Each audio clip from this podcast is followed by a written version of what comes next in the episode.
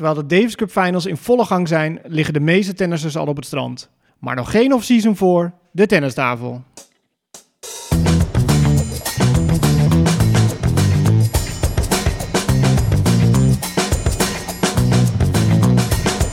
Please take your seats quickly, ladies and gentlemen. Thank you.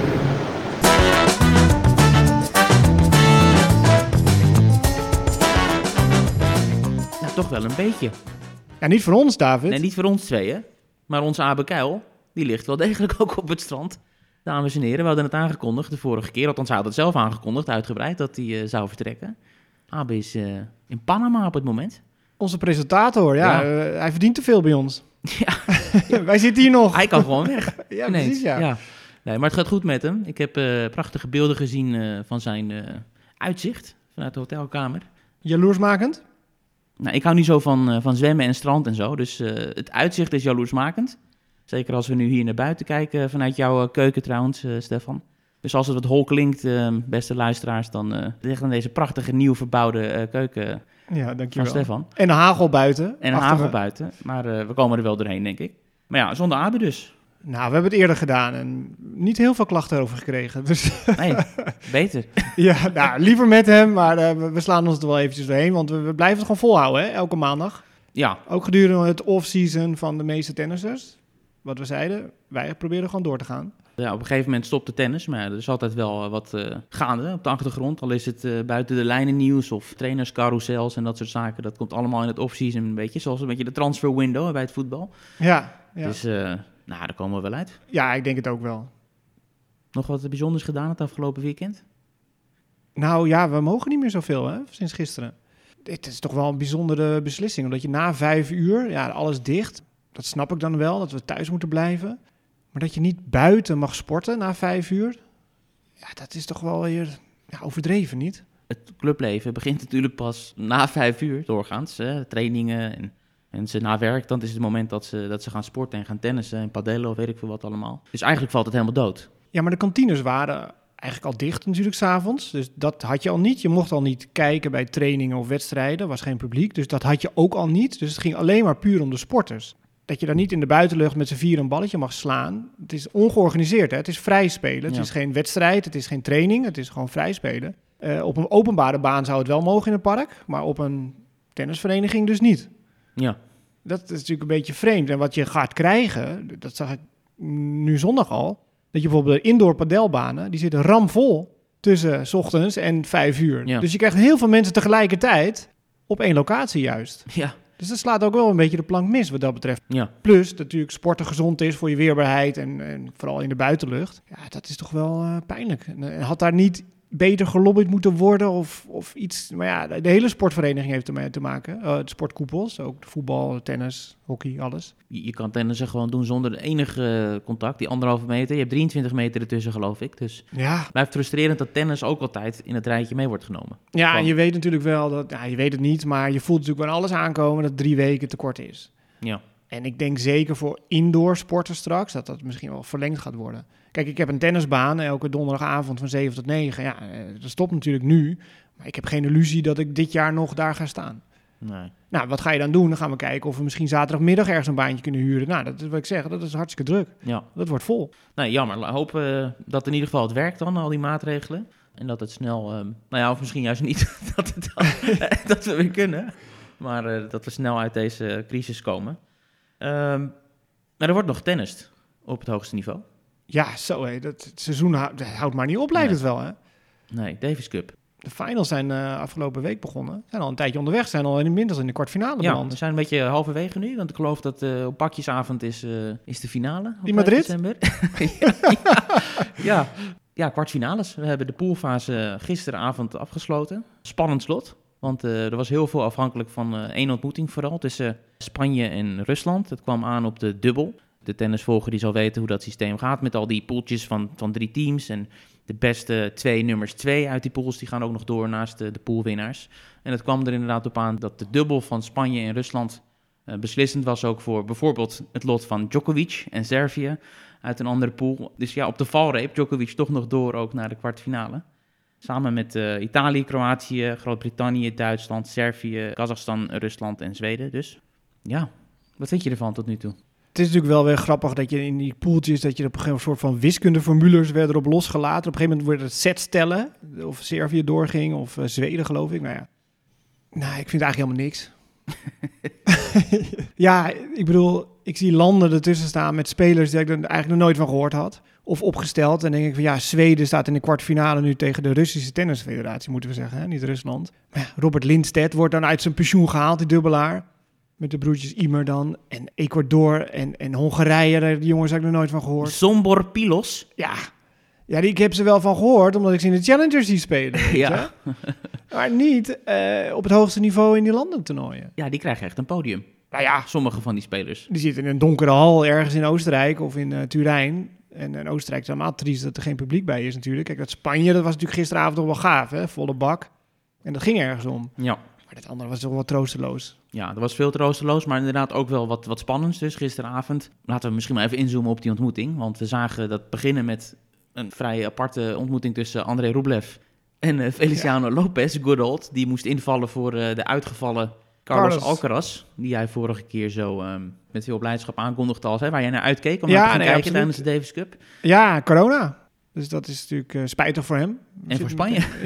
Ja, nou ja, uiteindelijk heeft Spanje het ook niet gered, die Nee. kwartfinales. Titelverdediger, dus dat is wel eh, pijnlijk. Maar het mooie is dat Lopez is 40, geloof ik. En eh Rublev, nou, een jonge hardhitter. Ja, het contrasten van speelstijlen kan bijna niet groter ook. Met Surge Volley, die lefty, die Spanjaard. Dat vind ik het leukst om te zien. Ja, en hij haalde een niveau hoor, Lopez wel. Ja, en emotie. altijd zo. En emotie. En...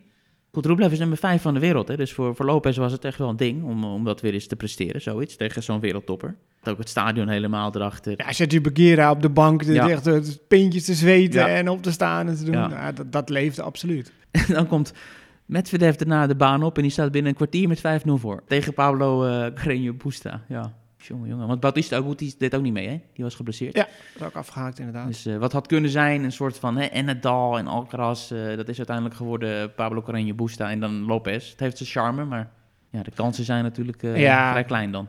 Nee, daarom dat, is- weet je, dat ze er niet bij zitten is dan niet een hele grote verrassing bij de knock-out fase. Maar dat charme dus van, van die Davis Cup in Madrid is het wel heel gaaf. Waarom? Omdat het een thuisland speelt.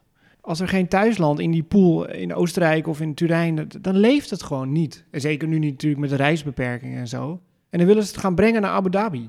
Dat is een beetje aangekondigd. Dat er schijnt een deal eh, te zijn ergens eh, op de achtergrond. Daar zijn ze mee aan het werken. Piqué en Co, eh, Cosmos, de- die groep, Ja. die dat allemaal organiseert om het naar Abu Dhabi te brengen voor vijf jaar, geloof ik. En dat heeft Het nogal slaat wat... toch helemaal nergens meer op. Nou, precies. Zo denken heel veel mensen erover. Alleen met geld te maken natuurlijk. Maar de- ja, de charme van die sport, ja. Leighton Hewitt wordt gek natuurlijk in zijn Ja. hotelkamer daar. Die Ja. heeft ook dicht gedaan. Die is natuurlijk Mr. Davis Cup lijkt het wel voor Australië.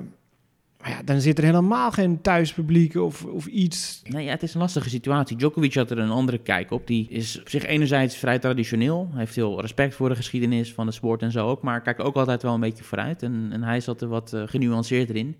En hij zei, ja, je moet toch een manier vinden om, eh, om traditie en vernieuwing met elkaar te kunnen combineren. Dus hij zei er geen nee tegen. En dan heeft het misschien geen tennis roots van 100 eh, jaar oud. Eh, ja, maar denk je dat er dan een speler uit Abu Dhabi op gaat staan over nee, tien jaar? Natuurlijk niet. Natuurlijk niet. Het lastig tennis in zijn jurk.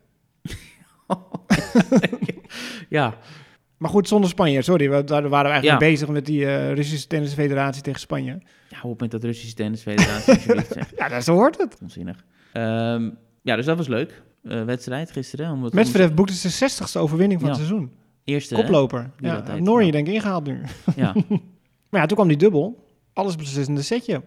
Tussen Rusland en Spanje dan. ja, Rublev Karatsev. Ja, hardhitters, puur zang. Ja, maar goed, die hebben ook op de Olympische Spelen goed gespeeld. Ze spelen wel vaker gewoon toernooien samen. Dus het is een leuk, eh, raar, onconventioneel eh, duo dat het toch vrij goed doet in die dubbels. Dus ehm, zij brachten niet alleen Rusland, maar ook Servië dus door naar de volgende ronde. Dus Djokovic eh, leeft nog. Ja. En we weten hoe, eh, hoe belangrijk hij het vindt. De Davis Cup, we spelen voor zijn land. En eh, ze hadden het lastig in die poolfase ook, want ze verloren van eh, Duitsland bijvoorbeeld. Djokovic won zelf zijn single wel, maar Krajinovic daarna ging onderuit. En Djokovic verloor zelf ook nog eens de dubbel. Want ja, met alle respect voor Djokovic en de beste en dat allemaal. Maar dubbelen blijft toch een hele Ja, blijft moeilijk. Het was derde set tiebreak geloof ik. Ja, ja. het is gewoon geen goede dubbelaar. Kan je Nee. niet omheen. Dus even de kwartfinales op een rijtje. Rusland tegen Zweden, Groot-Brittannië, Duitsland, Italië, Kroatië, Servië, Kazachstan. Ik had Spanje van tevoren als eh, winnaar. Ja, het Rusland. Blijf je bij? Ja, Ja, ik denk over de breedte is het ook wel eh, het beste team, hè? ja, natuurlijk. Je hebt twee top 10 spelers.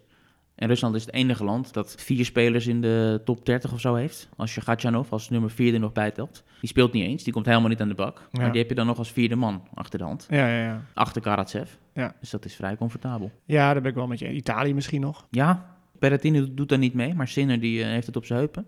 Ja. Voor 6-2, 6-0 van, eh, van John Eastern zagen we nog. Nou, dat Amerika, dat is ook gewoon afgeserveerd dan, hè? Opelka, Ja. Isner, eh, Jack Sock. Opeens stond hij weer, maar ja, die geblesseerd afgaat. Ja, maar DFO, die, eh, die lag op het strand in Mexico met zijn vriendin eh, aan, de, aan de cocktails. ja. Die kreeg een belletje van, eh, kun je alsjeblieft naar Europa komen? ja, ik vond dat wel één ding, daar heb ik me een beetje aan geërgerd. Marty Fish, die, die gooide er nog een, niet een tweet uit, maar iemand twitterde over zijn uitspraken. Na afloop van de nederlaag. Ik ben even kwijt van wie ze nou precies verloren. Van, oh ja, en het was Thanksgiving weekend in de Verenigde Staten. En mijn spelers hebben zulke offers moeten brengen om hier aanwezig te zijn. Het is natuurlijk een belangrijk toernooi, maar oh, het is zo moeilijk en lastig geweest. Ik weet dat John heeft drie kinderen om tijdens Thanksgiving hier te moeten zijn. Ja, nou, ik weet niet. Ik Ja, heb, dat is nou voor onzin. ja, nou ja, dan leeft daar gewoon een wise. Dat, dat Ja, dat snap ik ook. feeling Ik, hebben we ik, niet. ik wil dat hele Thanksgiving ook niet eh je aardig, afserveren. was je wel aardig onderweg? Nee. Ja, maar kom op, je bent toch topsporter? Dan ga je toch niet een feestdag... Dat is dan toch geen reden om, eh ja, ben om minder te presteren? Nee, ben ik ook niet met je eens. Zeker als je voor je land mag uitkomen. Ja. Dat is het hoogst haalbare, zeg maar, eervolle wat je kan hebben. Ja. Ik bedoel, eh, als, als Ja. het pakjesavond is, dan, eh, dan nemen wij ook gewoon op als het maandag is.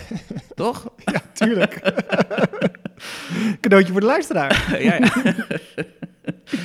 Ehm, dat is dat. Verder nog iets opgevallen? Boeblik misschien? Die had nog een leuk momentje. Met verdefje deed hij, hè? En het Medvedevje. Maar het is Kazachstan tegen Canada dan. In nog Canada, nog Kazachstan. En dan heeft het publiek zich dan toch tegen Boeblik gekeerd. Ja. Wat sowieso al een hele rare gewoonte is, want het is toch een entertainer. Zou je juist achter moeten staan. Maar toen deed hij inderdaad het Medvedevje door, eh, door achteraf in het baaninterview te zeggen van... eh, hè, Dankzij jullie heb ik gewonnen. Dankzij jullie heb ik gewonnen, zoals een, een legend ooit zei voor mij. en toen doelde hij natuurlijk op Medvedev op de US Open een paar jaar geleden... toen hij ook het hele publiek Ja. tegen zich kreeg. Dus dat was nog wel een, eh, een hoogtepuntje. Maar dat Canada heeft gewoon niks gepresteerd. Haalde die vorig jaar, is in 2019 finale? Ja, maar nog. Chapeau, nog Felix toen mee. Nee, Pospisil, maar die speelde toen, toen ik er was, in 2019 in Madrid, in die, Ja. eh, die finale. Die speelde die fantastisch. Maar die hadden ze, hadden ze hem dan en eh Snoer. Ja, Dat soort types hadden we opeens allemaal. dat ik, nou. Nee, ik vind het niet echt, eh, ja, ik vind het niks eigenlijk. Maar goed, het kan nog, laten hè? we hopen volgend jaar Nederland erbij is, dan vinden we het helemaal te gek. Tuurlijk, en dat kan nog. Kwartfinales, weet je, als je zo meteen, eh weet ik veel, een Italië krijgt tegen, tegen Rusland of zo. En dat al die eh Ja, zwaargewichten dan spelen. ja. Het, het kan nog, weet je. Nee, daar ben ik met je eens. En als het straks in Madrid is en er zit er weer publiek bij. En eh, ja, de, de emoties zijn wel weer mooi onderling. Even voor de volledigheid. Italië-Kroatië zal in Turijn gespeeld worden nog, die kwartfinale. Eh, Groot-Brittannië met Cameron Norrie tegen Duitsland in Innsbruck. Zonder Zverev. Zonder Zverev. Servië, Kazachstan in Madrid. En Rusland, Zweden ook in Madrid. En voor Rusland natuurlijk ook prettig dat ze van begin tot eind ervan uitgaan dat ze ver komen. In Madrid blijven. Die hoeven niet te reizen. Die zijn gewoon vanaf eh, moment 1 in Madrid geweest. En als ze inderdaad grote favoriet zijn om te winnen, is het een klein voordeel dat ze hebben. Nee, zeker. Over reizen gesproken. Er wordt al wat eh, gereisd buiten de Davis Cup. Jij zit op Instagram, Stef. Ach, jeetje. Wat heb je allemaal ontdekt? Nou, ik heb ontdekt dat we op de Malediven gewoon een Grand Slam toernooi kunnen gaan organiseren. ja. Dan heb je een aardig schema. Nou, dat is, eh, iedereen is daar. Behalve wij dan. Nou, vooral vrouwen, moet ik zeggen. Ja, ja goed, die zitten echt in het off-season natuurlijk Ja, al. Die hebben niks meer te doen. Dus nou ja, Donna Vekic hebben we natuurlijk gezien. Pavluchenkova. eh nou, echt bijna iedereen eh, zag ik voorbij Ik komen. zag Serena, misschien niet op de Malediven, maar met, eh, met man ook her en der. Met, met een jacht, Snorkelen. Ja. snorkelen. En is ook helemaal bezig met opladen. Hopelijk voor weer een goed nieuw seizoen. Maar goed, die Malediven, ja, ik weet niet of dat een sponsordeal is dat al die speelsters daar zomaar heen kunnen met flinke kortingen. Eh, we zagen iedereen daar. Ik denk, nou ja, je zou toch een keer niet je collega willen zien, je concurrent. Ga- Ga ergens op een hutje op de hei zitten. Nou, Abekail Ja, bijvoorbeeld ja. in Panama. Ja, ik denk niet dat je daar veel tennisspelers tegenkomt. Nee. Dus, eh, maar het was wel ook wel weer jaloersmakend. Misschien is daar die, die wrok misschien ook wel. Dat Ja. ik, oh, wat is dat heerlijk eigenlijk, hè? Op zo'n bedje in zo'n blauwe zee en witte stranden. De spelers zullen zich langzaam maar zeker gaan voorbereiden op eh, Australië. Wat mij ook wat nieuws heeft gebracht. Eh, want we weten enerzijds dat de kalender is bevestigd. Heel veel van die Australische toernooien, ook in de voorbereiding voor de Australian Open, gaan plaatsvinden. Ja, mega veel. Echt eh, op een aantal locaties, een aantal toernooien. En eh, ja, heel veel start van het jaar. Dat is echt de Australian Summer, echt vol met tennis. Maar ja, of dat door kan gaan, dat hoorde ik net, zag ik voorbij komen. Dat iedereen die moet gevaccineerd zijn om Australië binnen te komen. Dat zouden ze de grenzen open doen op 1 december. Dat hebben ze nu verschoven naar 15 december. Ja, gaan ze dat nog een keer twee weken ver- verschuiven? Ja, dan komen ze toch al de eerste toernooitjes in de ATP Cup en zo in de problemen. Ja, maar die quarantaineverplichting is weg. Voor gevaccineerden. voor ja. gevaccineerden. Ja, ja, iedereen moet gevaccineerd zijn. Ja, inderdaad. Ja, Dat is weg. Maar toch, de meeste spelers reizen met de kerstperiode zo richting Mhm. Australië. Maar ja, Ja. dat zou dan weer in gevaar komen. Maar ja, dat is ook wel de wereld waar we nu in leven, weet je. Ja, je moet gaan plannen. Die toernooien moeten gewoon geplannen eh, begin januari en zo. Je kan niet nu al denken van, eh, het gaat misschien niet door. Nee, je moet ervan uitgaan dat het doorgaat. En dan, ja, dan maar weer afblazen eventueel. Ja, maar het is al zo dichtbij, hè? Ik zag gisteren al een, eh, een tweet van de Australian Open. 50 dagen tot het begin van Ja. de Australian Open. Ja, Ja. De deelname van Djokovic is enerzijds misschien wel zeker, omdat het is de Australian Open. Hij is Mr. Australian Open. Hij wint altijd de titel daar. Dus het zou vreemd zijn dat hij dat zou laten schieten. Zeker ook met die jacht op het eh, Grand Slam record in het achterhoofd. Maar toch is er wel enige twijfel vanuit zijn vader ook een beetje gekomen daarover, over zijn deelname. nou ja, zijn vader heeft een interview gegeven in eh Servische media. En die heeft gezegd van, eh, waarschijnlijk speelt hij niet. Ja, Nou, die vader niet, maar zijn zoon ook niet. Ja. ja. Je moet gevaccineerd zijn. Nou, Ja. We weten, Djokovic is geen fan van vaccinaties. Op het moment dat hij daar gaat spelen, ja, is hij gevaccineerd. Dat weten we. Misschien heeft hij zoiets van, ja, ik heb altijd gezegd dat ik tegen ben. Ik wil of mijn principes vasthouden, of hij is wel gevaccineerd, Of maar hij wil niet laten merken. Ja, stiekem wel gevaccineerd, maar dan wil hij daar niet voor uitkomen. Want hij heeft natuurlijk Ja. ook een achterban. Hij heeft altijd van de natuur en een eigen hè, zelfreinigend vermogen van je lichaam Ja. zo met virus en zo. En Ja. dat hij die ook niet wil voor het hoofd stoten, dat hij wel een vaccin heeft Ja, genomen. Wonderlijk. Wonderlijk is Dus hij zit natuurlijk, ja, hij is heel lenig, maar hij zit wel in een splagaat volgens mij. ja, heeft hij graag. Maar hoe lang hou je dat vol? Oh, oh, ja. Nou, dat wordt vervolgd. Ehm Nou, het zou zonde zijn als hij niet zou spelen. natuurlijk. Ik bedoel, Nadal is er wel, als het goed is. Die Ja. gaat in Abu Dhabi al beginnen, half december. Als hij zijn tiende titel daar kan winnen, Djokovic, en het 21ste slam, ja, er is zoveel voor te spelen. Nou, en als hij niet gaat, dan wint Nadal misschien. Dat wil hij ook niet. Nee, nee, absoluut niet. Het is heel moeilijk. Ja, Ik benijd hem niet wat dat betreft. Maar Nee. ja, aan de andere kant is het wel weer luxe problemen, hè? Als tuurlijk. je de zo. rest van de wereld bekijkt. zo is het. Jij werd ook nog uitgenodigd voor een enquête. Ja, Hoezo was dat? nou ja, als lid van de ITWA heet het dan, de International Tennis Writers Association, mag je ook van de ATP meestemmen om bepaalde dingen aan het einde van het jaar. En eh, ja, mij werd gevraagd om Want jij bent lid. Waarom ben je lid daarvan? Nou ja, als je een bepaald aantal toernooien hebt afgereisd gedurende een, aantal jaar, dan kan je je aanmelden voor de ITWA. En dan gaan ze kijken of jij daadwerkelijk een echte tennisjournalist bent die op de Tour heeft gereisd. En dan moet je een aantal Grand Slams eh, bezocht hebben en Masters toernooien. En als je voldoet aan eisen, dan zit je erin. En dan mag je ook eh, dit soort eh, leuke dingetjes doen, naast dat je op Grand Slams en, en op toernooien gegarandeerd accreditatie krijgt en de, de players lounges en zo in mag om spelers daar te interviewen heb ik een lijstje mogen invullen. ATP, eh, op- nou niet awards, een soort van eindejaars, eh ja, toch wel awards misschien? Ja, ja. Ze, ze maken er altijd wel een dingetje van, hoor. Ja, ja, dus ik mocht stemmen eh, in drie categorieën. Most Improved Player, ten eerste. En dan krijg je een hele lijst aan opties en dan moet je die rangschikken. Een top 4 moet je daarvan maken. En ja jazeker, bij Most Improved Player twee er ne- Nederlanders. Kijk eens aan. Nou, Zowel Botik als, eh, als Tellen, maar ook de grote Aslan Karatsev, die dit jaar als een komeet natuurlijk eh, eh, tevoorschijn kwam. Eh, en een hele reeks andere spelers. Maar ja, ik heb dus zowel Karatsev als Tellen als Botik genoemd. wel grappig, want die Karatsev, ja, is hij nou het meest verbeterd? Wat is nou het meest verbeterd? Ja, zijn ranking is het meest verbeterd, maar zijn spel, is zijn spel ook het meest verbeterd? Want ik heb hem dus al zien spelen toen, al die challenges, was ik al onder de indruk van hem. Hij speelt eigenlijk hetzelfde. Krachtig vanaf de baseline, zonder fouten. Ja, het is toch een combinatie van eh, wat voor resultaten die heeft geboekt en daarmee verbonden ook de ranking. En dan is hij het. Ja, Ja. Het is niet anders. Halve finale meteen Australian Open, wat toernooi Ja, ja, gewonnen. is ook zo, ja. Ja, dat zijn wel weer, bij- ik was het alweer bijna vergeten, weet je, dat hij gewoon halve finale uit het niet Australian Ja. Open haalde. Ja, dus hoe, hoe wij misschien emotioneel ook eh, met, met Botik en Tellen zitten, gaat hij dat wel winnen, denk ik. Die prijs. Nou, internationaal, ik denk de US Open van Botik, dat hij heel veel indruk heeft gemaakt. Op de manier waarop hij speelt, hè, met zijn dropshots en zijn powerspel van achteruit en zo. En Karatsev, ja, het is ook een beetje recht toe recht aan tennisser. En nou, zijn interviews zijn natuurlijk helemaal niet uh, spraakmakend. Nee. Dus ik geef Botek ook nog wel een goede kans. Ja, die resultaten uh, gaan we afwachten. Volgende categorie, comeback player of the year. Ja, alleen dus, mannen, hè? Of, alleen, alleen ATP? Mannen, ja. Oeh, ja. Ik heb voor Murray gestemd. Ja, ja. lijkt me ook wel. Niet, niet eens dat hij helemaal weer terug is qua ranking natuurlijk. Maar als je ziet waar hij vandaan komt. En Ja, dat, hij dat- eigenlijk al ja, een afscheidsvideo heeft Ja. ontvangen. Bedankt eh, voor bewezen diensten en dan geniet Ja. van je pensioen. En hij staat daar dan weer. Hij spreekt het meeste aan van het, eh, van het lijstje. Tot slot de Stefan Edberg Sportsmanship Award. En What's dan- in the name? Ja. Ik heb daar gestemd op nummer 1 voor TFO, geloof ik. Die het meest sportief is. Ja. En ja, het is gewoon een soort... eh, het is een leuke, leuke gozer die gezelligheid en, eh, en ontspanning en vermaak brengt. En volgens mij wordt hij ook buitengewoon gewaardeerd door spelers. Ja, hij heeft altijd heel veel respect. Voor het spel en voor de lijnrechters en voor Ja. zijn tegenstanders. Oké, nou ik ben, het, ja, ik ben het wel mee eens, denk ik. Ja, ik ken het hele lijstje niet waar je het kon kiezen, maar ik vind TFO ook een hele goede keuze, absoluut. Wat staat dan meer op ons onderwerpenlijstje? Pong. Ja, ik zeg gewoon Peng. Zit in Nederland, toch? Nee, het is wel Ja, Pong? Ja. Pong Sway? Ja. Zeg het Sway wel goed dan? Of moet ik ook? Shui. Dat zeggen we dan wel weer Ja. goed. Oké. Ja, het wordt al een beetje... De, de- aandacht neemt al wat meer af. Dus ik denk dat we het elke keer moeten adresseren. Ja, niet dat wij zoveel invloed hebben op de wereld.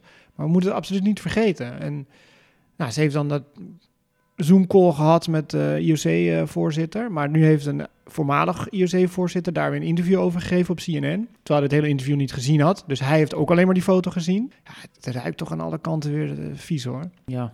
Maar goed, eh, die man die was een beetje de kluts kwijt. Want die zei van ja, en de ATP zit erachter eh, om haar eh, belangen te versterken. Maar dat moet natuurlijk WTA zijn en zo. En hij had hele interview niet gezien. En denk ja, schuiven ze zo'n mannetje naar voren dan? Kom op, die WTA-baas, die, die wil haar gewoon live spreken. En dat wordt gewoon niet, dat lukt gewoon niet. Ja, zolang we haar nog niet live ergens zelf iets hebben gezien, moeten we ons zorgen maken. Nee, ja, helemaal eens. En er is weinig over te zeggen verder. We weten niks, behalve dat we verontwaardigingen uit kunnen spreken. Ja, dan zei die voorzitter, zei van ja, maar straks in februari of zo gaan we haar in Beijing wel zien. Oh, Maar het is winterspelen. oké. Ja, ik bedoel, nee, maar is tennis is natuurlijk helemaal niet op de agenda daar. nee. Dus en ik heb ook geluiden gehoord wat dan heel cool zou zijn. Dan zeggen, weet je wat we gaan doen? Australian Open. We laten Pong Sway Ja. de prijsuitreiking doen. Ja. Ja. nodig haar uit om inderdaad de, de prijsuitreiking te doen. En kijken wat er dan voor reactie komt. Nou ja, dat zou een steuntje zijn. Ja, want dat is natuurlijk de, Asian eh, Pan-Pacific Ja. hè, eh, Grand Slam. De Grand Slam of Asia en de Oceanië. Ja, dus ja, dat hoort, eh, hoort dat ook bij. Ja, Dat zou ik wel een mooie, mooie geste vinden. Dan eens kijken wat er gebeurt. ja, zeker. Ja, dat is dat. Nou, over vrouwen gesproken. Nou ja, Emma Raducanu, sportvrouw van Groot-Brittannië. Ja, niet heel verrassend misschien. Nee, helemaal niet. Goed, ik heb het eerder genoemd in een eerdere aflevering over hoe groot zij eh, is in Groot-Brittannië. Ze is al de sportvrouw op dit moment. Ja, maar ze is ook wel een heet hangijzer qua discussies, vind ik. Want eh, mensen zijn ook wel weer hard voor haar. Want na de US Open heeft ze eerlijk gezegd ja, niet zoveel gepresteerd. Nee. En dan wordt dan heel erg kwalijk genomen en zo. En dan ga je zeggen, ja, maar ze is alleen maar met modeshows en fotoshoots en geld verdienen bezig op een andere manier.